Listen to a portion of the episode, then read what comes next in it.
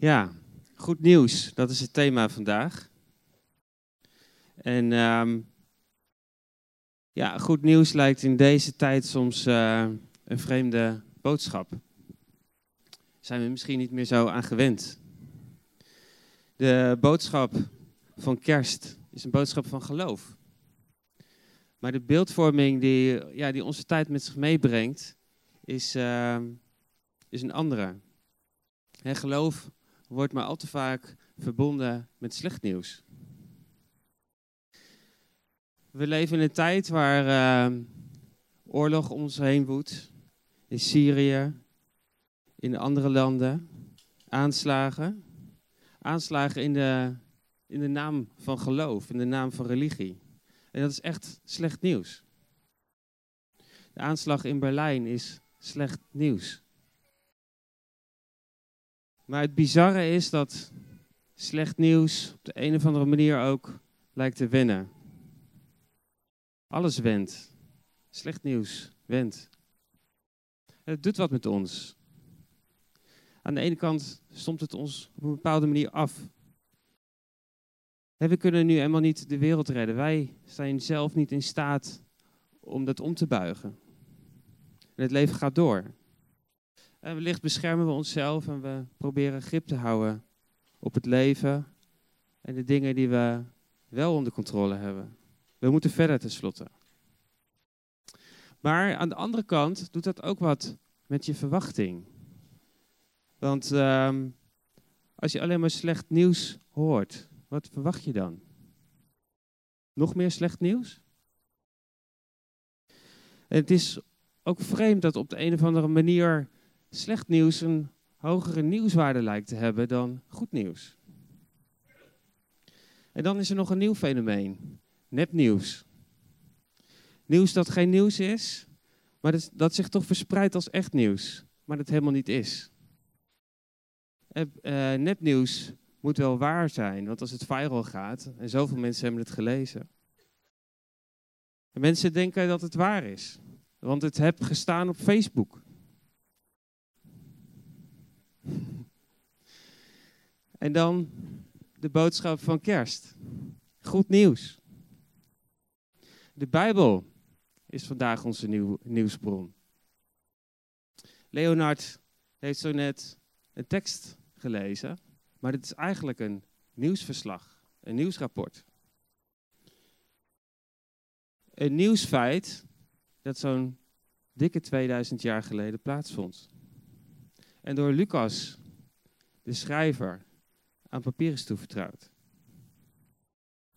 Een nieuwsrapport uit een bron van goed nieuws. En je vraagt je misschien af hoe zo'n oud boek in deze tijd nog nieuws kan genereren. Wat überhaupt relevant zou zijn voor deze tijd. Maar dan wil ik jullie toch wel even herinneren aan het feit dat dit nieuwsbericht al viral ging voordat de term viral was uitgevonden. En het was een nieuwsbericht met een bijzonder hoge nieuwswaarde. Nieuws wat op de een of andere manier bestemd is voor meerdere generaties. Nieuws dat nieuws blijft, omdat het steeds weer wordt doorgegeven. De onderzoeker James Chapman die heeft een onderzoek gedaan naar het meest gelezen boek. En dat is nog steeds de Bijbel. En ehm, hij had onderzocht dat er inmiddels ruim 3,9 biljoen, 3,9 biljoen Bijbels verkocht zijn. Dus we hebben het waarschijnlijk vandaag dus over het best verspreide nieuwsbericht alle tijden. We hebben het vandaag dus over het best verspreide nieuwsbericht alle tijden. 3,9 biljoen exemplaren van de Bijbel. Waar dit verhaal, het goede nieuws, in staat. En de persoon achter dit boek, het onderwerp van dit nieuws, heeft al eeuwenlang biljoenen volgers. Niet met een Twitter-account, niet op Facebook, maar mensen die volgen met hun hart. En Lucas is in zijn nieuwsrapport heel open over zijn nieuwsbron. Een goed journalist die ehm, geeft naast de feiten ook zijn nieuwsbron weer. En het nieuws is niet gegenereerd door journalisten of door um, hooggeplaatste mensen, maar zoals Linda net al zei, door herders. En zij gaf ook aan dat dat niet een groep mensen was die nou heel bekend stond als uh, betrouwbaar. Herders waren vaak ruwe lui, waren overlevers, die leefden in en van de natuur, hadden geen uh, vaste woonplaats, maar trokken rond. En toch worden zij dus uitgekozen door God om het goede nieuws te horen. Dan laten we wat dieper ingaan op het goede nieuws zelf. Wie brengt het goede nieuws eigenlijk? Lucas vermeldt de herders als zijn nieuwsbron. Maar de herders op hun beurt noemen de engelen als nieuwsbron. En als we in Lucas 2 vanaf vers 9 dat stukje nog even erbij pakken. Opeens stond er een engel tussen de herders. En het licht van God straalde om hen heen. De herders werden bang, maar de engel zei: Jullie hoeven niet bang te zijn, want ik breng jullie goed nieuws. Het hele volk zal daar blij mee zijn. Vandaag is jullie redder geboren. Christus, de Heer. Hij is geboren in Bethlehem, de stad van David. En zo kunnen jullie hem herkennen. Het kind ligt in een voerbak en is in een doek gewikkeld. De engelen, Gods boodschappers, zijn dus de echte nieuwsbron. En zij geven, zoals later zou blijken, ook betrouwbare informatie. Want je kunt veel zeggen over de herders, maar ze deden wel een fact-checking. Ook dat um, is dus niks nieuws. Zij gingen de feiten van het nieuwsbericht verifiëren. En de engel die had aangegeven hoe ze dat konden doen, hoe ze die uh, feiten konden onderzoeken. Het ging om een redder die geboren was in Bethlehem en hij zou herkenbaar zijn aan uh, dat hij in een voederbak zou liggen uh, en in doeken gewikkeld zou zijn. Dus Bethlehem, voerbak, doeken. De herders waren geraakt door deze overweldigende boodschap, die ook wel vergezeld werd door hele bijzondere dingen. De hemel geopend, Gods licht, de engelen die zingen, een concert. De engelen pakken uit en eren God. Ik denk dat uh, een concert in de Ziggo Dome of uh, de HMA daar helemaal niks bij is. Een kleine groep mensen die um, zo'n groot concert um, te horen krijgen, dat is toch heel bijzonder. De eerste en de, en de beste artiest die komt niet uit zijn bed voor een, uh, een kleine groep mensen. Die wil een stadion vol zien. Ik stel me ook voor dat dat best wel surreëel, een surreële ervaring geweest moet zijn.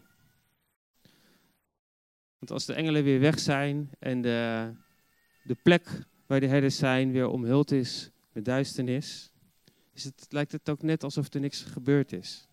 En was dit wel echt? Was dit een boodschap van God? Is het wel waar? En waarom zou de geboorte van een kind in Bethlehem, waarom zou dat goed nieuws zijn?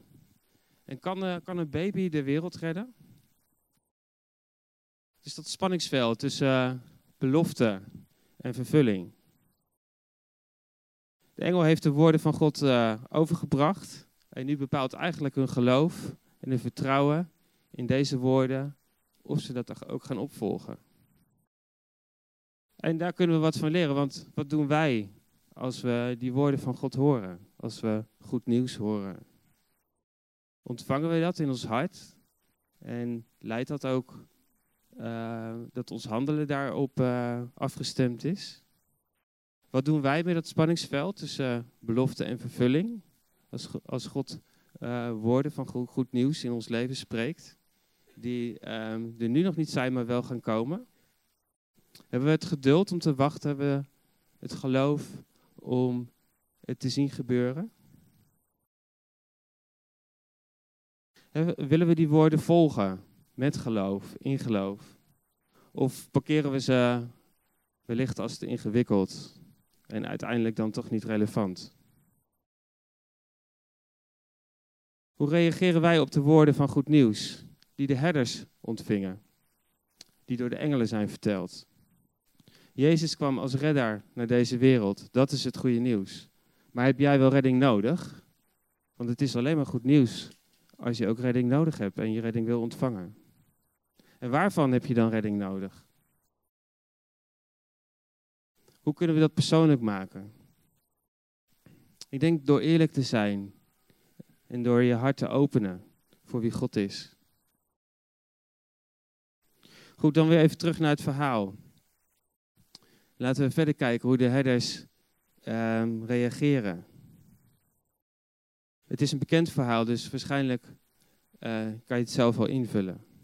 Want naar rijberaad komen de herders in beweging en ze gaan op pad naar Bethlehem. Om met eigen ogen te zien wat de engel heeft gezegd. En ze volgen dus die woorden van goed nieuws op. En um, ze worden daarmee de eerste getuigen van dat goede nieuws. En de nieuwsfeiten blijken te, te kloppen met wat is gezegd. En het woord van de engel bleek dus betrouwbaar. Want ze vinden Jozef en Maria, ze vinden het kindje Jezus in de voederbak, in doeken gewikkeld, precies zoals de engel had gezegd. En wat doen ze dan? Ze delen dit goede nieuws. Ze delen de woorden die ze hebben gehoord. De woorden van de engel. En ik denk dat dat voor Maria heel bijzonder geweest moet zijn om terug te horen wat ze zelf ook van de engel had gehoord.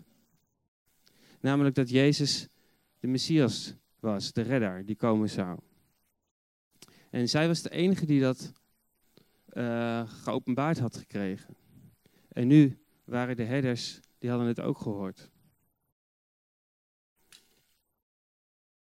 Deze woorden, die worden dus uh, bevestigd.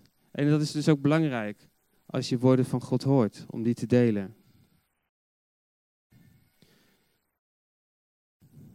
En nu deze, deze woorden van het goede nieuws, waar het hele volk blij mee is. Vandaag is jullie redder geboren, Christus de Heer.